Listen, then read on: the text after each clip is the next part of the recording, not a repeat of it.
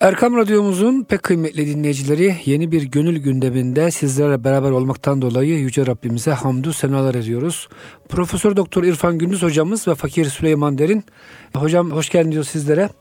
İnşallah gönül gündeminde bugün rıza kavramı usulü aşereden. Hocam son kavrama geldik. Evet. Rıza kavramı hakikaten çok önemli bir kavram. Yani tasavvufun da belki ulaşmak istediği en önemli mertebelerden, makamlardan birisi.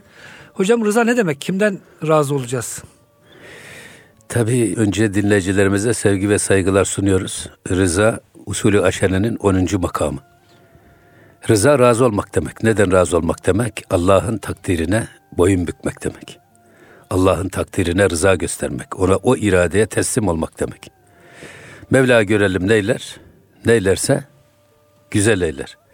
Radıyallahu anhum ve radu an. Şimdi bu nefsi radiye makamı var ya, razı olan insanların nefsi. İşte razıya bir de mardiye var bunun bir üstünde. Siz Allah'tan razı olursunuz. Siz razı olunca Allah da sizden razı olur. Kendilerinden razı olunmuş nefs manasına da nefsi mardiye. Aslında bu rızayı e, aslında geçen sohbetlerimizde de üç temel makamla birlikte ele almak zarureti var. Bir tanesi geçen sohbette de söyledik yani o şeyde sabır meselesinde söyledik. Evet. Sabır, rıza ve tevekkül. Bunun üçü aslında birlikte ve bir arada yaşanması gerekli olan temel makamlardan bir tanesi. Ne demek bu? Cenab-ı Hak bize her şeyi emaneten vermiş. Ömür bir emanet. Doğduğumuz andan itibaren vefatımıza kadar kronometremiz çalışıyor. Siz parayı çalıştırırsınız, para çoğalır. Efendim tarlayı ekersiniz, çalışırsınız, buğdayınız çoğalır. Efendim ne ekerseniz ya da hangi konuda çalışırsanız o sermaye artar, katlanarak büyür. Ancak bir tek sermaye var. Çalıştıkça eksilen sermaye o da doğduğumuz andan itibaren ölüme doğru yaklaşıyoruz. Evet. Dolayısıyla bu zaman büyük bir ganimet, büyük bir fırsat. Bu fırsatı kaçırmamak lazım. Zaten geçen sohbetlerimizde de söyledik. Mesela murakabeyi anlatırken ne dedik biz? Murakabe esasında biz vaktimizi, hayatımızı öz denetime tabi tutmak. Otokritik etmek. Bir başkası bizi hesaba çekecek, biz kendi kendimizi hesaba çekelim. Bunun için burada zamanı iyi kullanmak lazım. Zaman bizi kullanmayacak ama biz zamanı kullanacağız. Eyvallah hocam. O yüzden Sufi'ye İbnül Vakit demişler. Eyvallah. Sufi vaktin anın oğlu. Anına önem verir, anına bakar. Ne geçmişle uğraşır, ne gelecekle uğraşır ama içinde bulunduğu anı İyi dört dörtlük değerlendirmeye çalışır. Bu da neye bağlı? Zamanı kullanmada bizim yeteneğimize bağlı, dikkatimize bağlı. İmam Şafii Hazretleri bağlılarına diyor ki bak zaman kılıç gibidir. Siz onu kesmezseniz o sizi keser. Eğer zamanınızı siz kullanmazsanız zaman sizi kullanır. Eyvallah. Nedir zaman nedir? Bir su mu? Bir kuş mu? Nedir zaman nedir? İniş mi? Yokuş mu? Daha biz hala da zamanın önemini anlayamadık. Maalesef. Ömrün kıymetini anlayamadık. Ne zaman anlıyoruz? Hastalandığımız zaman sağlığın kıymetini anlıyoruz. Efendim ihtiyarladığımız zaman gençliğin kıymetini anlıyoruz. Çok yoğun işten işe koşturma sırasında boş vaktin kıymetini anlıyoruz. Eyvallah. Efendim iflas ettikten sonra zenginliğin kıymetini anlıyoruz. Halbuki asıl olan bunlar elden gitmeden kıymetini kavramak. O yüzden Mevlana öyle diyor. Haris ve nefs önü görür. Ona göre atılır. Hı hı. Ama akıl ise sonu görür ona göre davranır. Akılda ihtiyat vardır. Akılda tedbir vardır. Hemen evet. zahire ve gösterilerine bakarak aldanmaz. Onun gerisine bakar. Arka planını çözmeye çalışır. Ondan sonra hareket eder. Ama haris adam, tamahkar adam, aç gözlü adam hemen zaafına düşkünse eğer önüne böyle bir fırsat çıktı üstüne balıklama atlayıverir. Maalesef. O yüzden burada niye üç makam çok önemli? Bir, dikkatimizin, ilgimizin, özenimizin geçmişe kaymaması, geçmişe takılıp kalmaması, kırık plak gibi geçmişte kalıp da dönmemesi için geçmişi zihnimizden, beynimizden ve gönlümüzden silmek için sabır. Peygamber Efendimizin ifade buyurduğu sabır esasında ilk karşılaştığımız anda sıcağı sıcağına karşılaştığımız olaya karşı takınacağımız tavır demektir. Bu sabrın psikolojisi nedir? Eğer siz başınıza ağır bir beze, be, bela geldi, bir trafik kazası geçirdiniz. Eğer o anda soğukkanlılığınızı kaybetmez, aklınız, idrakiniz ve gönlünüz bu Allah'tan geldi, buna sabretmemiz gerekir derseniz, o zaman o olayın ağırlığı üstüne çıkar. Akli selim ile şokka girmeden efendim böyle geniş bir görüş, geniş bir perspektifle rahatlarsınız. Zaten olmuş bitmiş. Yani olmuşsa, ölmüşse ona çare de yok. Geri de getiremezsiniz. O zaman geçmişle oyalanmak, geçmişe takılı kalmak esasında önümüzde gelip de geçmekte olan zaman ganimetini çalan en büyük hırsızdır. Bir, o yüzden geçmişin zaman ganimetini, önümüzdeki içinde bulunduğumuz an ganimetini çalmaması için geçmişi sabırla sileceğiz. Tamam, bitti. İki, bizi yine bu anımızdan çalan, bu anımızı değerlendirmemizi engelleyen, bizi gaflete sevk eden şey nedir? Şu anda karşılaştık. İşte Öyle karşılaştığımız olayı rıza ile karşılamak. Bu da bizim ana hakimiyetimizi perçinleyen en önemli makamlardan birisi. Tam karşılaştığımız olaya rıza göstereceğiz. Bu Allah'tan geldi. O neylerse güzel eyler. Biz sevmesek, sevmediğimiz bazı şeyler bilemeyiz ki sonunda bizim için hayırdır. O zaman hocam rıza sanki Rabbimiz hakkında hüsnü zanna bulunuyoruz. Bizim e, başımıza her ne gelmişse Rabbimizin arzusuyla gelmiştir ve bu güzeldir. Böylece yani kendi itirazımızı veya Rabbimize haşa cehalet atfetmekten de hocam kurtulmuş oluruz. Çünkü hadiste öyle geçiyor. Kim diyor benim kazamı beğenmezse kendisine başka Rab arasın. E tabi zaten bu rıza, ilahi taksime rıza gösterme. Hırsızlık niye haram? Allah'ın rıza taksimine, rızık taksimine e, itimat etmemek ve bu aradaki kendisine göre aradaki açığı kapatmak için sağdan soldan mal çalıyor. Yani kendi taksimatını kendi yapmak istiyor. Kendisi yapıyor. Eyvallah. Esasında aynı zamanda rıza taksim ilahiye rıza göstermek.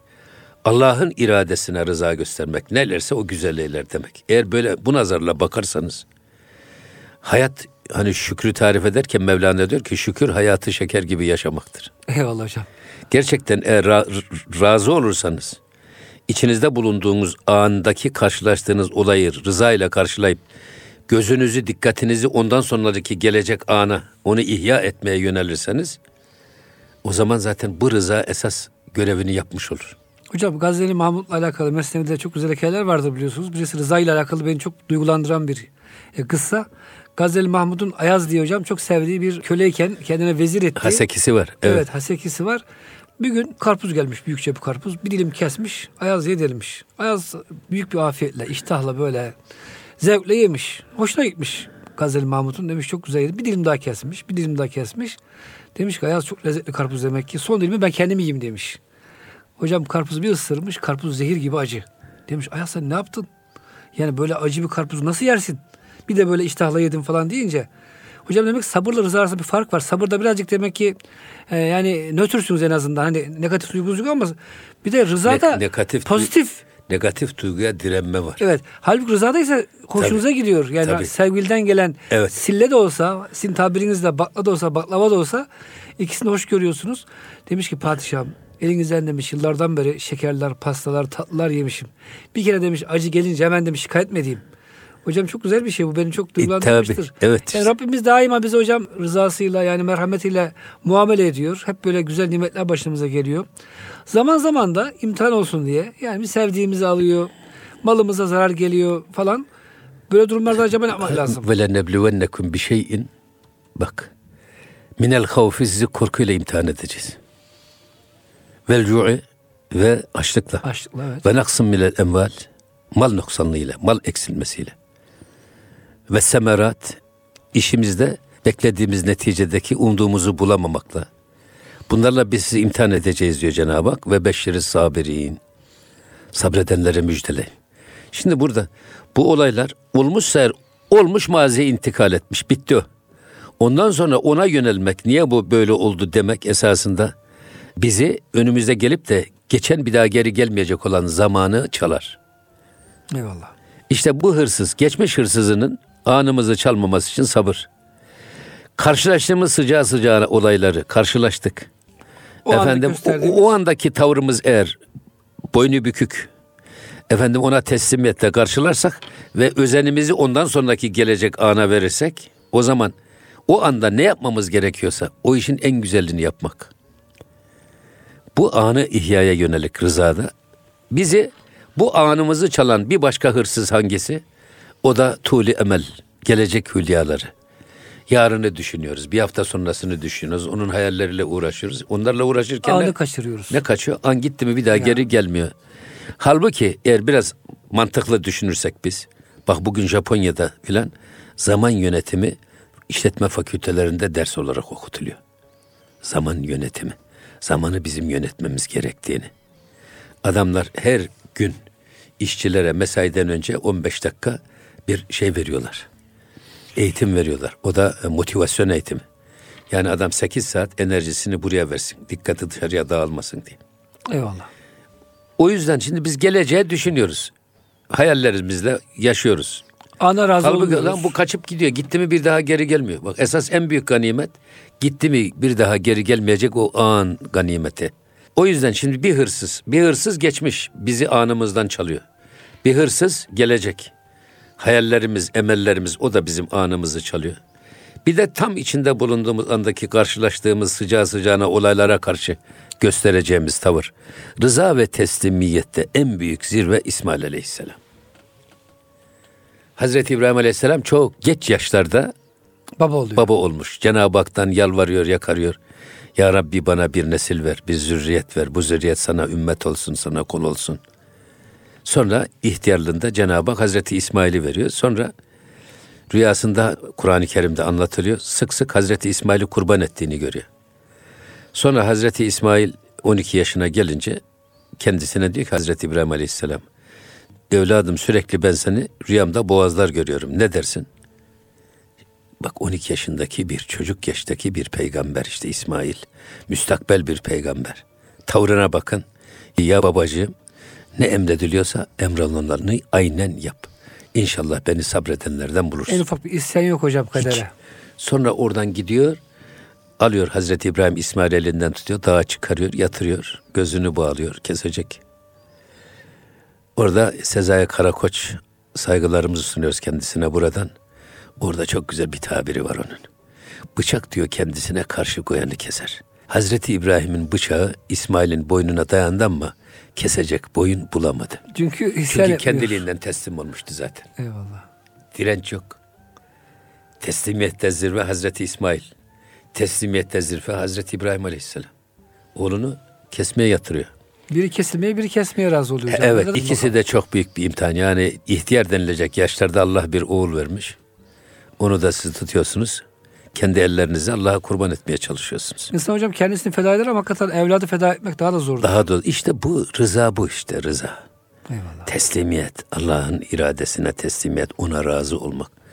Zaten buna razı olduğunuz zaman hayat var ya, hayatın her anı, zaten siz her anı dört dörtlük değerlendiriyorsanız, üzerinize düşeni 24 ayar yapıyorsanız, eksiksiz, noksansız, Allah'ın sizi gördüğü inancıyla o anınızı nasıl en güzel değerlendirilmesi gerekiyorsa öyle yapıyorsanız, Artık yapacak bir zaten şey geçmişiniz garanti olur. Tabii. Bak bizim geçmişimizi çürüten, temelsiz hale getiren nedir?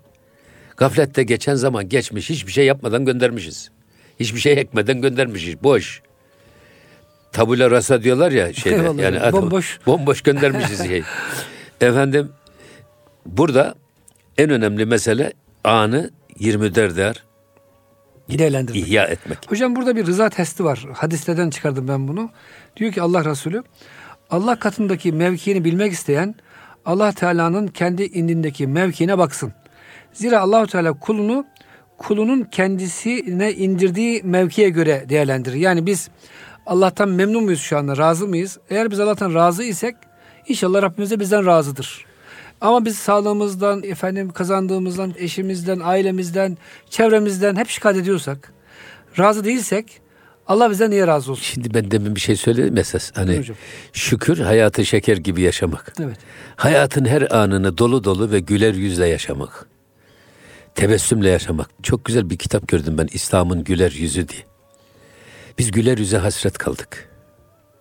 Öyle baktığı zaman bizi kuşatan, efendim bizi ta içine alıp saklayacak kadar merhametli ve müşfik bakışlar, o güzel simalar, o güzel yüzler.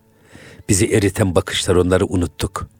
O yüzden işte bu rıza aynı zamanda sahibine güzel bakış, güzel yüz, güzel gönül kazandıran en büyük hasletlerden birisidir. Hayatı stressiz, gerilimsiz yaşamak. Mesela bu Maurice Bucay diye bir Fransız cerrah var. Bu adam iyi bir cerrah. Ve Fransa'da, Paris'te kendi kendine işte de klinik testler yapıyor adam. Aynı yaşta, aynı hastalıktan ameliyat olacak adamlar. Ama öyle ameliyatlar ki bunlar ağır ameliyat. Nedir ağır ameliyat? ameliyat Vücutta geri dönülmez hasar bırakan ameliyatlar. Bu ameliyatlara önce hastanın Psikolog psikologlar nezdinde telkine tabi tutularak hastalığı hazırlanması. Mesela akşam adam iki koluyla yatacak. Sabah bir kolu. Sabah bir kolu yok. Ya. Adam iki ayakta yatacak, sabah bir ayağı yok. Şimdi bunu eğer siz hastayı bu ameliyata hazırlamazsanız, adam akşam iki ayakla yatar da sabah bir ayakla kalkarsa, bunun verdiği gerilim, stres daha da geri teper, başka yerlerden bu sefer hastalık hmm. nükseder. O yüzden önce hastanın bu ameliyata psikolojik olarak hazırlanması lazım. Psikologlar geliyorlar, telkine tabi tutuyorlar. İşte bak ayağın kesilecek. Ayağın kesileceği için sakın üzülme. Yani sen ayağın kesilecek ama öteki adamın bacağı da yok filan gibi. Eyvallah, Öyle şeylerle. Daha kötüsü de var yani. Daha kötüsü de var, daha beteri de var diye. Sonra adam şuna dikkat ediyor. Müslüman, Yahudi, Hristiyan, ateist her türlü hasta geliyor. Aynı yaşta diyelim 21 yaşta gelmiş gençler aynı ameliyata tabi tutulacak. Bunlara psikologlar görevlendiriliyor. İşte mesela bir Yahudiye diyelim ki 17 test uygulanıyor. Adam diyorlar ki ameliyat hazırdır. Hristiyana geliyor işte 18 test, 12 test ameliyata hazırdır. Öbürüne geliyor 20 test, 21 test ateist ameliyata hazırdır. Bir Müslüman geliyor tek seansta psikologlar ameliyata hazırdır diyorlar. Bir seans değil mi hocam hepsi? Tek yani. seans. Sonra geliyor diyor ki Morris Bukay. Bak bu kitap yazmış. Kitabın adı İnciller mi Kur'an mıydı hocam o kitap mıydı? Mukayeseli dinler tarihi açısından mukaddes kitaplar Hı. Tevrat, İncil ve Kur'an. Evet öyle bir Kitabın adı bu. Hı hı. Suat Yıldırım Hoca da bunu tercüme etmişti. Eyvallah. Sonra adam bakıyor diyor ki adam 21 seans uygulanmış bir ateiste. Onu ameliyata alıyoruz. Neşteri vurduğumuz zaman daha hala da teslim olmadığını, esasında ameliyata tam hazır olmadığını anlıyoruz. Onların eklemlerinin neştere direncinden anlıyoruz. Hmm. Keserken kırt kırt yapıyor ya hani. Eyvallah. Öbürüne 18 seans uygulanmış Yahudi'ye. Ona da bıçağı vururken bakıyoruz gene hala da esasında eklemleri savunma durumunda. Yahudi aynı şekilde, Hristiyan aynı şekilde, Müslümana da tek celse psikologlar telkin yapmışlar. Adam ameliyat hazırdır demişler. Buna Müslümana da girerken diye bıçağı vuruyoruz bakıyoruz ki adam pamuk gibi hiç direnç yok. Yani eklemler, kaslar ameliyata teslim olmuş. Bunun sebebi nedir diye araştırıyor. İşte o kitabın çıkış sebebi bu. Mukayeseli dinler tarihi açısından Tevrat, İncil ve Kur'an. Bu. Şimdi bizim dinimizde, akaid kitaplarımızda ve akidemizde kader üstünde fazla konuşmak, fazla düşünmek doğru değil. Zira bu terazi bu kadar sikleti kaldırmaz. Çekmez, çözemezsiniz. Doğru. Ancak bizim alimlerimiz kaza ve kaderden esas insanlara hayatlarında lazım olacak böyle aspirin gibi spot cümleler çıkartmışlar. Reklam cümlesi gibi. Herkes en cahil çobanından en büyük alimine varıncaya kadar başına ağır bir musibet ve felaket geldiği zaman kadere imandan kullanacağı ilaçlar, haplar nedir o? Mevla ne eylerse güzel eyler. Bitti. Hak şerleri hayır eyler, zannetme ki gayr eyler, görelim Mevla ne eyler, ne eylerse güzel eyler. Ölümden öte yol gitmez. Şeriatın kestiği parmak acımaz. acımaz. Allah verdi, Allah aldı. Allah'tan geldi ne diyelim? İnna lillah ve inna ileyhi İnna lillah ve inna ileyhi raciun. Bu ve benzeri böyle spot reklam cümleleri gibi başına ağır bir kaza, bir trafik kazası geçiren, ağır bir belaya uğrayan, musibete uğrayan bir adam için böyle sığınak gibi, bir şemsiye gibi kadere imanla ilgili sözler herkese öğretilmiş. Dolayısıyla işte bir Müslümana sen kanser oldun, sağ ayağın kesilecek dendiği zaman adam belki bir önce irkiliyor. Sonra diyor ki ölümden öte yol gitmez ne yapalım? Şeriatın kestiği parmak acımaz diyor teslim oluyor. O yüzden bir Müslüman böyle tek celsede, tek telkin seansında ameliyat hazır hale geliyor. Sonra bunu araştırıyor. Bu tek celsede böyle bir Müslüman ağır bir ameliyata nasıl böylesine teslimiyet gösteriyor diye araştırıyor, araştırıyor. Nihayetinde Peygamber Efendimizin kadere inanan kederden kurtulur. Kederlenmez. Bugün kadere inanan adamın hayatında stres olmaz. Gerilim olmaz. Niye? Allah ne eylerse güzel eyler dedikten sonra olan hiçbir hadise bizi etkisi altına alıp da bizi ezemez, bizi üzemez. Hocam bir de bu konudaki ayet-i kerime var ya siz bir şey hayır bilirsiniz şerdir, şer bilirsiniz. Asa en tekrahu şey'en ve huve hayrul lekum. Siz bir şey beğenmezsiniz ama bilemezsiniz ki o sizin hakkınızda hayırlıdır. Yine Mevlana Mesnevi'de anlatıyor tam peygamberlerden birisi ayakkabılarını girerken ayakkabının birisini geliyor tavşancıl kuşu çalıp götürüyor. Sonra biraz kaldırdıktan sonra ayakkabının içinden bir yılan düşüyor. Yere ölüyor. Yere düşüyor. Şimdi bu tavşancıl kuşu görünüşte baktığın zaman peygambere zulmediyor. Ayakkabısının tekisini almış götürmüş. Halbuki yukarıya kaldırınca içinden yılan düşüyor. Halbuki peygamber belki de o ayakkabının içindeki yılanı görmeden ayağını bassa yılan sokacak. Eyvallah. Şimdi bir böyle görüş var. Zahiren görüş. Ama tavşancıl kuşu sonra ayakkabının tekini getiriyor. Peygamberin ayağının yılan tarafından ısırılmasına gönlü razı olmadığı için ayakkabıyı alıp kaldırıyor, yılanı düşürüyor sonra getiriyor. Eyvallah. Dolayısıyla şimdi sevmediğiniz bir iş size hayırlı neticeler getirebilir. Çok arzu ettiğinizde sizin aleyhiniz olabilir. O yüzden Ebu Hasan Şazeli Hazretlerinin çok güzel bir nasihati var. Bu konuda diyor ki Allah'tan dünyevi bir şey talep etmeyin. Eğer talep ederseniz o da bunun karşılığında sizden bir şey talep eder altından kalkamazsınız. Yok eğer Allah'tan dünyevi bir şey talep etmek mecburiyetinde kalırsanız isteyin ama gönlünüzü ve aklınızı o isteğinizin arkasına takılı kalıp bırakmayın. İstediğiniz bırakın. Allah'a havale edin. Allah'a havale edin. O dilerse verir, dilerse vermez. Çünkü biz istediğimiz şeyin bizim için istediysek eğer bizim hayrımıza mı şerrimize mi olacağını bilemeyiz. Yüzde yüz emin değiliz. O yüzden iste neticeyi Allah'a bırak. Gayret bizden, netice ve tevfik Allah'tan. Hatta hocam İbn Hacı Bedi Allah dostu diyor ki onun müritlerinden yani daha sonraki silsilesinde Arifler diyor Allah'tan bir şey isterler. Olunca bir seviniyorlarsa olmayınca on sevinirler. Sebebi de ben bir şey istedim ama Allah başka bir şey diledi. Demek ki Rabbimizin e, dilemesinde yani vermemesinde daha büyük hayırlar vardır diyerek daha çok razı olurlar diyor hocam. Böyle bir söz okumuş. Evet. Hakikaten Şimdi sonra istediğimiz şey bir başkası içinse eğer, bir başkası için istiyorsak, dostumuz için mi, düşmanımız için mi olacağını bilemeyiz. Dostumuz içinse istediğimiz şey, dostumuzun hayrına mı, şerrine mi olacağını onu da bilemeyiz. bilemeyiz. Düşmanımız içinse aynı şekilde. O zaman talep ettiğiniz şeye gönlünüzü ve yüreğinizi asılı bırakmayın. Asılı bırakırsanız gönlünüz onunla meşgul olurken Allah'tan gaflete düşer. O yüzden isteyin ama peşini bırakın. Ve Eyvallah. ondan sonra da gelecek her türlü takdire boyun bükün, teslim olun. Eyvallah. Rıza gösterin. Zaten Mevlana'nın yine çok güzel bir şeysi var Mesnevi'de. Ednalara bakıp şükriyle demsaz olmak, senden alalara bakıp rişk eylemenin merhemidir. Şimdi biz hep kendimizden yukarısına bakarak kendimizi aşağı görüyoruz. Öyle mi? Eyvallah. Bu bizi aşağılık kompleksine götürüyor. Bizden daha yukarı insanlara bakıp kafamızı yukarılara dikip de onlar gibi olamadığımız için hayıflanmanın, suratımızı ekşitmenin, efendim stresli bir hayat sürmenin merhemi esas senden aşağıdakilere bakıp da şükretmek. Bunun Hocam, merhemi. Bu hadis-i şerifte geçiyor yani diyor kul dini konularda kendinden yükseklere baksın.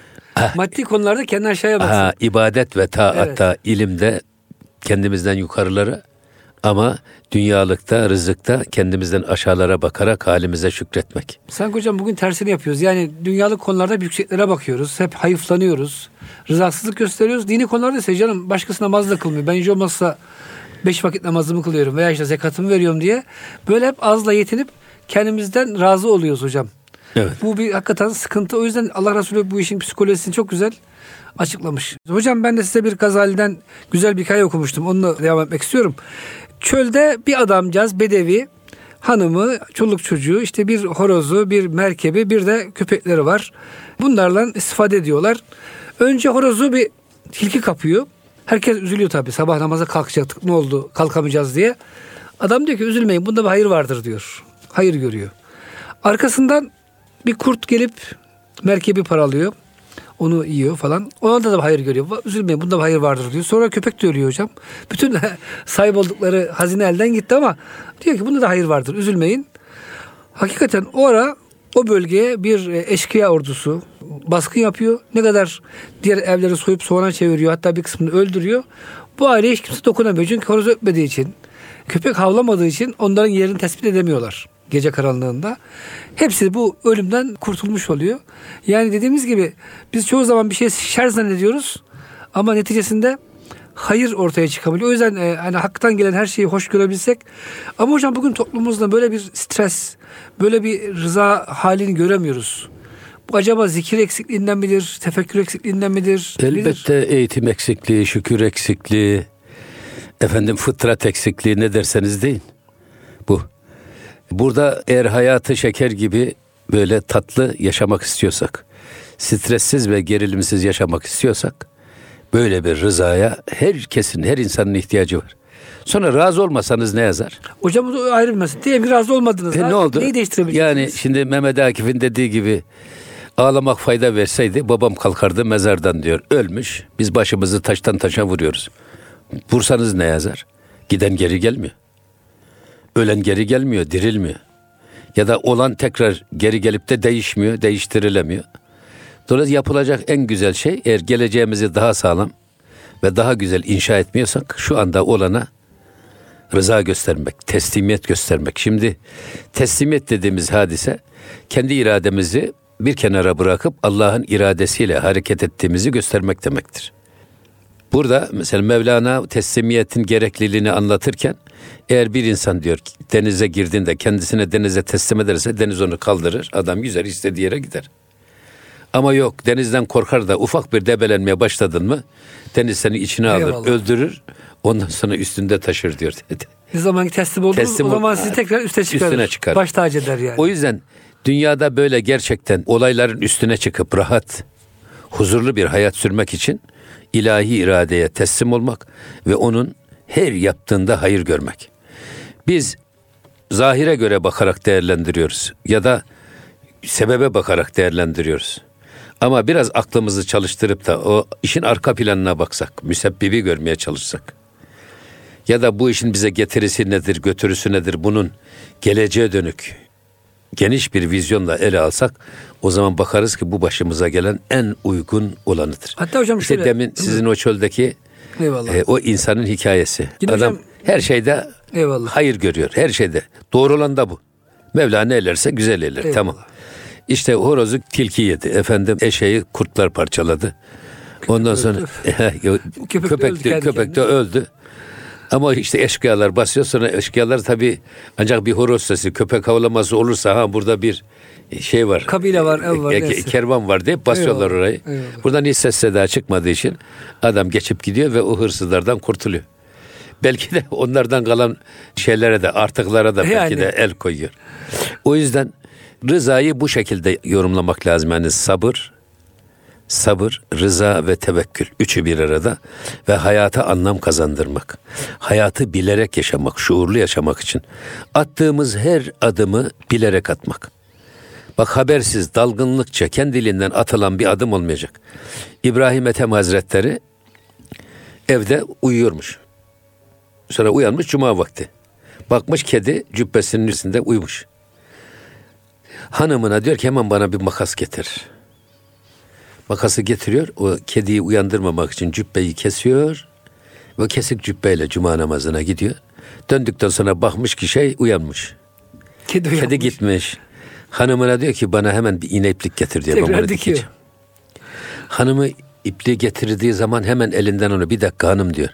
Bu iğne ipliği almaya önce niyet etmem lazım. Niyet nedir? Bilerek yapmak demektir. Şuurlu yapmak. Şuurlu yapmak demektir. Yani elini atsan kendi elinden iğneyi ipliği alacak olsan belki de iğnenin tam sivri tarafına gelir. Elin uzatırsın batı verir eline. Eyvallah. Abdestini de bozar. Eyvallah. O yüzden bir dakika hanım demiş önce niyet etmem lazım. Yani o yüzden gaflete, habersizliğe, dalgınlığa, bilmeden yapılana izin yok. Her anımızı bilerek yaşamak, Hocam, bilerek değerlendirmek. Tasavvuf tam bir farkındalık hali yani Tabii. her anımızı. Hocam bazı biliyorsunuz doğu felsefeleri, Budizm, işte yogalar falan filan farkındalık diye bir kavram üretmişler. Esasında tasavvuf hocam bunu ta 1400 senedir İslamiyet'le beraber Tabii. bunları yani gafletten uzak durmak, yaptığımız evet. işleri bilerek yapmak, rıza halinde yapmak. Evet. Başımıza gelenlerden şikayet etmemek. Tabii hocam sebepleri yaptıktan sonra şüphesiz değil mi? Evet tabii. Yani sebepler yapmadan Hayır, bela bak, gelirse şimdi tedbir takdire mani değil. Biz tedbirli olmak zorundayız. Her türlü tedbirimizi önceden alacağız biz. Eşeğimiz sağlam Tedbir nedir? Alacağız. Sonradan gelecek tehlikeyi önceden görmek. Müdebbir nedir? Sonradan başımıza Peygamber Efendimizin Esma Hüsna'sından da birisi o. Hmm. Müdebbir. Sonradan gelecek tehlikeyi önceden gördüğü için bizleri uyarıyor ki sakın o tehlike çemberine girmeyin. Tedbir de bu. Tedbir bizden. Gayret bizden. Ama tevfik Allah'tan. Allah'tan. Biz üzerimize düşeni yapacağız. Yaptıktan sonra gerisini Allah'a bırakacağız. Yalnız hocam bu rıza konusunda da bizim tasavvuf kitaplarında bir ayrı bir bölüm açıyorlar. Tabi şerre ve kötülüğe de razı olmamak gerekiyor. Allah'ın razı olduğundan razı olacağız. Yoksa diyelim ki toplumda haramlar, günahlar yayılmış. Ha, geçen, geçen bir şeyde Kocaeli'nde Eyvallah. insanlık için hayır ümmet panelinde tabi biz yaradılanı severiz yaradandan ötürü. Yunus Emre'nin bu sözü var ya. Eyvallah. Ondan dolayı bizim medeniyet hayatımızda toplumun değil, kainatın her kesimi bizim merhametimizden nasip almış. Kedisi, köpeği, kurdu, ayısı, efendim. İnsanların tüm ihtiyaçları bitmiş. Artık ağaçların, bitkilerin ihtiyaçlarını, onların sulanmasına, dikilmesine, ormanların artırılmasına, yolların temizlenmesine, kaldırım yapılmasına filan böyle çok şiddetli kış mevsimlerinde de dağda yaşayan kurtlar için, ayılar için, efendim vakıflar kurulmuş onlara her gün et atılması, onların acılığından dolayı köylere inip de vatandaşın ya da köylünün işte hayvanına, canına zarar vermemesini temin için vakıflar kurulmuş. Oradan birisi de sormuş. Diyor ki hocam böyle diyorsunuz ama biz kafirleri de mi sevmek zorundayız? Eyvallah. Gümüşhanevi Hazretleri rızayı tarif ederken çok güzel bir tarifi var. Rıza Allah'tan gelene razı olmak. Allah'ın razı olmadığına da razı olmamaktır diyor. Eyvallah. Eğer gücünüz yetiyorsa tabii. Şimdi Cenab-ı Hakk'ın razı olmadığı şeye razı olmamaya gücünüz yetiyorsa onun razı olmadığına da o şiddette Eyvallah. razı olmamak. Yoksa efendim her gelene razı olmak deyip de adam sağımıza bir tokat vurdu solumuzu dönelim.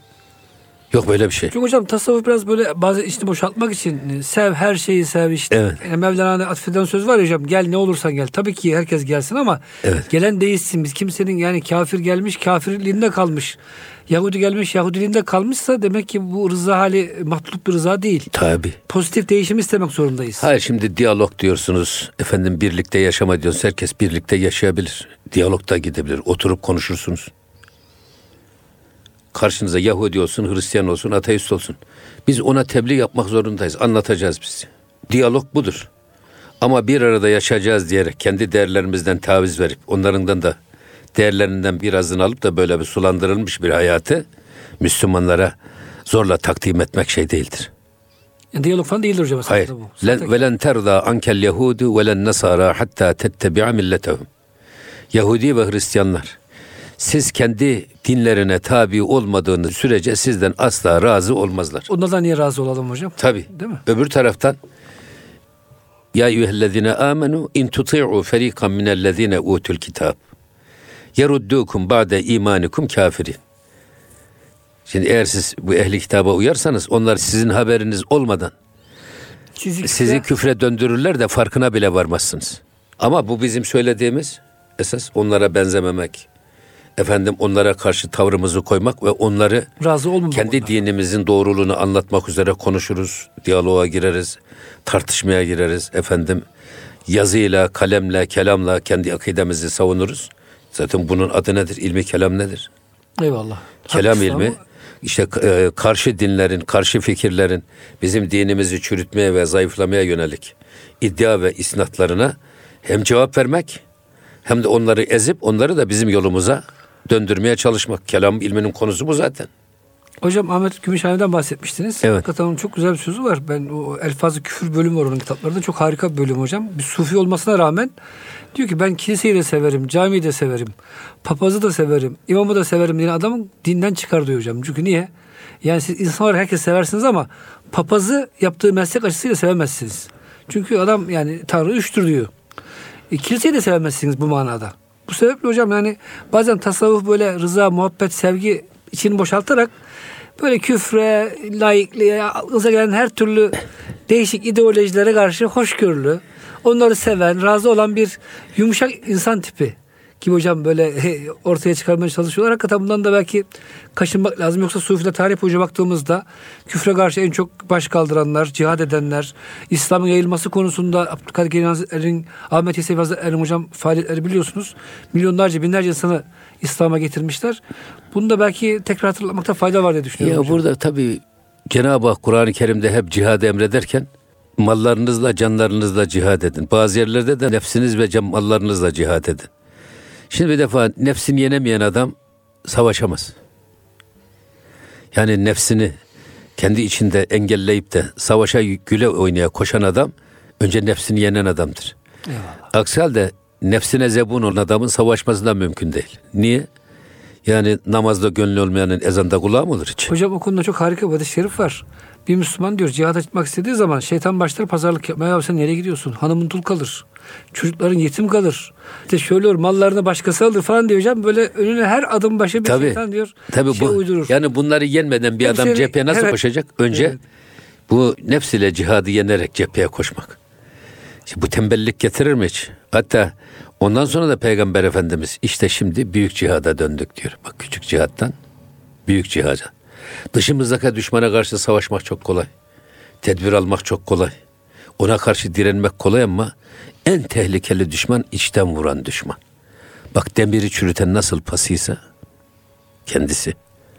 İnsanı da içten vuran kendi içindeki düşman nefsi, heva ve hevesi. O yüzden Peygamber Efendimiz bu içten vuran düşmanla savaşmaya büyük cihat buyuruyor. Bunu yenemeyen bir adam zaten küçük cihatta da başarılı olamaz. Hocam bunu rıza konusuna döndürürsek şimdi pek çok kardeşimiz mesela abdestle namazında olabiliyor ama başına ufacık bir musibet geldiği anda yaygarayı koparıyor, her zaman şikayet ediyor ve hocam bunun günah olduğunun farkına varmıyoruz. Yani esasında çok büyük günah. Hatta diyor hadis-i kutsi'de benim e, kazama, takdirime razı olmayan kendine başkaları arasın diyor. Bu kadar ağır bir suç ama hocam biz bunları sanki böyle ufak görüyoruz. Yani şikayet etmeyi böyle lüzumlu lüzumsuz. Hani insan hastaysa doktor derdini anlatır. Ama herkese yaygara yapmak, şu oldum bu oldum, hasta oldum demek, başıma şunlar geldi demek doğru değil. Bunlar hocam e, yani çok görüyoruz toplumda. E zaten mesela sabır nedir? Böyle bir ağır bir felaketin karşısında soğukkanlılığını kaybetmemek. Olayın üstüne çıkmak, olayın altında kalmamak. Olayın altında kalırsanız Allah'la beraber olmazsınız. Olayla beraber olursunuz. Ya. Olay sizi bir filin ezdiği gibi ezer yok eder. Öyle mi? Eyvallah. Ama olayın üstüne çıkarsanız siz olayın üstüne çıkarsınız ve olayın etkisinde hiç kalmazsınız. Hatta siz olayı tepe tepe kullanırsınız. İstifade edersiniz ondan. O yüzden innallaha me'as sabirin. Allah sabredenle beraberdir. Sabretmeyen kiminle beraber? O da olayla beraber. Olayla beraber. O olayın ağırlığıyla beraber. İşte olmuş böyle bir iş. Yani olur ya babamız vefat etti. Annemiz vefat etti. Şimdi saçımızı başımızı yolmanın ne manası var? Aynen. Eğer biraz nasıl olsa ileride yollarımız birleşecek. Eğer Ahirette biz ölümü, inşallah. ölümü bir yok oluş olarak görmüyorsak, bir kalıp değiştirmek, efendim bir format değişikliği olarak değerlendiriyorsak Mevlana gibi. Şimdi ana rahmindeki çocuk doğduğu zaman niye ağlayarak dünyaya geliyor? Eyvah benim hayatım son buldu. Halbuki bilmiyor ki dışarıda rahimdeki dünyanın milyarlarca kat büyüğü var. Çok daha hayırlısı var. Şimdi aynı şekilde bu dünyadan gözlerimizi yumduğumuz zaman ahirete gideceğiz. Ahirete doğru giderken biz de nasıl olsa gideceğiz ve yolumuz orada birleşecek. Yani sonsuz bir ayrılık yok. O zaman bu feryadü figan niye? Niye ağlıyoruz? O yüzden hem akıllı olmamız lazım hem arif olmamız lazım. Yani hocam irfan hem, olmadan olmuyor değil mi tabii, hocam? Hem, Rıza hali. Tabii tabii yani bu işin sonunu görerek tavırlarımızı ona göre belirlemek, adımımızı ona göre atmak çok güzel. Hocam meselede yine güzel bir hikaye var. Adam birisi illa ben diyor haline razı olmuyor. Yani Allah bize konuşmayı öğretmiş. Bir de hayvanların lisanını öğreneyim diye çok yalvarıyor Musa Aleyhisselam'a. Diyor ki Musa Aleyhisselam sen diyor haline razı ol. Sana bir faydası yok bu ilmin. Ne olur ey Musa diyor insanların faydasına kullanacağım bu ilmin deyince yalvarıyor Allah'a Musa Aleyhisselam. Bu adamcağıza ev hayvanlarının lisanını anlama şeysi veriliyor kabiliyeti. Adam eve geliyor hocam. Sabah bakıyor ki dinliyor artık heyecanla bakalım ne konuşuyor hayvanlar kendi arasında diye. Ekmek parçası düşmüş. Sofra altından silkilmiş. Horozdan köpek ekmeğin başında. Diyor ki horoz köpeğe ya diyor ben et yiyemem. Şu ekmek parçasını ben yiyeyim. Sen merak etme akşama doğru diyor efendinin diyor işte ineği ölecek. Etinden diyor leşinden bol bol yersin. Doyası yersin deyince adam bunu duyar duymaz. Esasında hani İneğe başta, satıyor. İneğe satıyor. İneği hocam pazar satıyor. Zarardan kurtuluyor yani. Yani razı olmuyor Allah'ın takdirine. Neyse hocam ikinci hadis ertesi gün tekrar bir ekmek parçası aynı hikaye. Köpek diyor sen beni kandırıyorsun diyor. Yalancısın diyor. Dün diyor inek ölecek ölmedi. Ya merak etme diyor. Bugün diyor efendinin katırı ölecek diyor. Bol bol yersin diyor. Dün ne oldu anlayamadım diyor. Ölmesi lazımdı ama diyor bir şeyler oldu. Ben de fark etmedim diyor. Hocam yine adam duyar duymaz götürüp katırı satıyor pazarda. Ondan da kurtuluyor. Üçüncü gün ya aynı kavga ekmek parçasının başında bu sefer diyor ki horoz. Ey köpek arkadaşım hiç diyor meraklanma üzülme. Tamam diyor inek gitti katır gitti bir şey satıldı herhalde ama diyor bugün diyor efendinin kendisi ölecek. Bol bol diyor taziye yemeği pişecek. Her taraf kemik, et parçası, yemek artıkları istediğin gibi yersin deyince hocam adam hatasını anlayıp doğru Musa Aleyhisselam'a koşuyor. Ey Musa diyor ben etimi seyretme. Allah'ım ben takdirine razı olmadım. İnek elimden gidecekti razı olmadım. Katır gidecekti razı olmadım. Şimdi ben gidiyorum. Diyor ki Hazreti Musa. Bir adam diyor. Allah seni küçük belalarla daha büyük canını kurtaracaktı. Sen razı olmadın. Hadi bakalım diyor. Git kendini sat pazarda kaç para yapacaksın görelim diyor.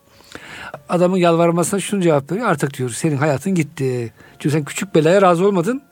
Buyur sana büyük bela. Ama diyor ben dua edeyim de imanlı gidici olmazsa. İmanını kurtar yoksa diyor iman da gitmesi lazım bu şartlarda. Çünkü evet. sizin hocam dediğiniz gibi hırsızlık nedir? Tabii. Rezaka razı olmamaktı. Bu da işte Allah'ın takdirine razı olmamaktı. O yüzden hocam demek ki razı olursak kederden de her şeyde emin oluruz diyoruz. Aa. Muhterem dinleyicilerimize diyeceksiniz hocam son cümleniz işte varsa. Hayatı stressiz, gerilimsiz, güler yüzlü karşılamak, güzel gözlü karşılamak, Eyvallah. güzel yüzlü karşılamak. Böyle baktığınız zaman muhatabınızı eriten ve size böyle güvenle bakan gözleri çoğaltmanın yolu hayatı rıza ile yaşamaya bağlı. Vazifemizi yapacağız. Şükrüyle yaşamaya bağlı. Her şeyden razı olacağız değil mi hocam? Evet. Peki muhterem dinleyicilerimiz bu haftaki programımızın sonuna geldik. Güzel konular işledik. İnşallah önümüzdeki hafta gönül gündeminde başka konularda buluşmak üzere. Hepinizi Rabbimizin affına, merhametine emanet ediyoruz. Hoşçakalın efendim.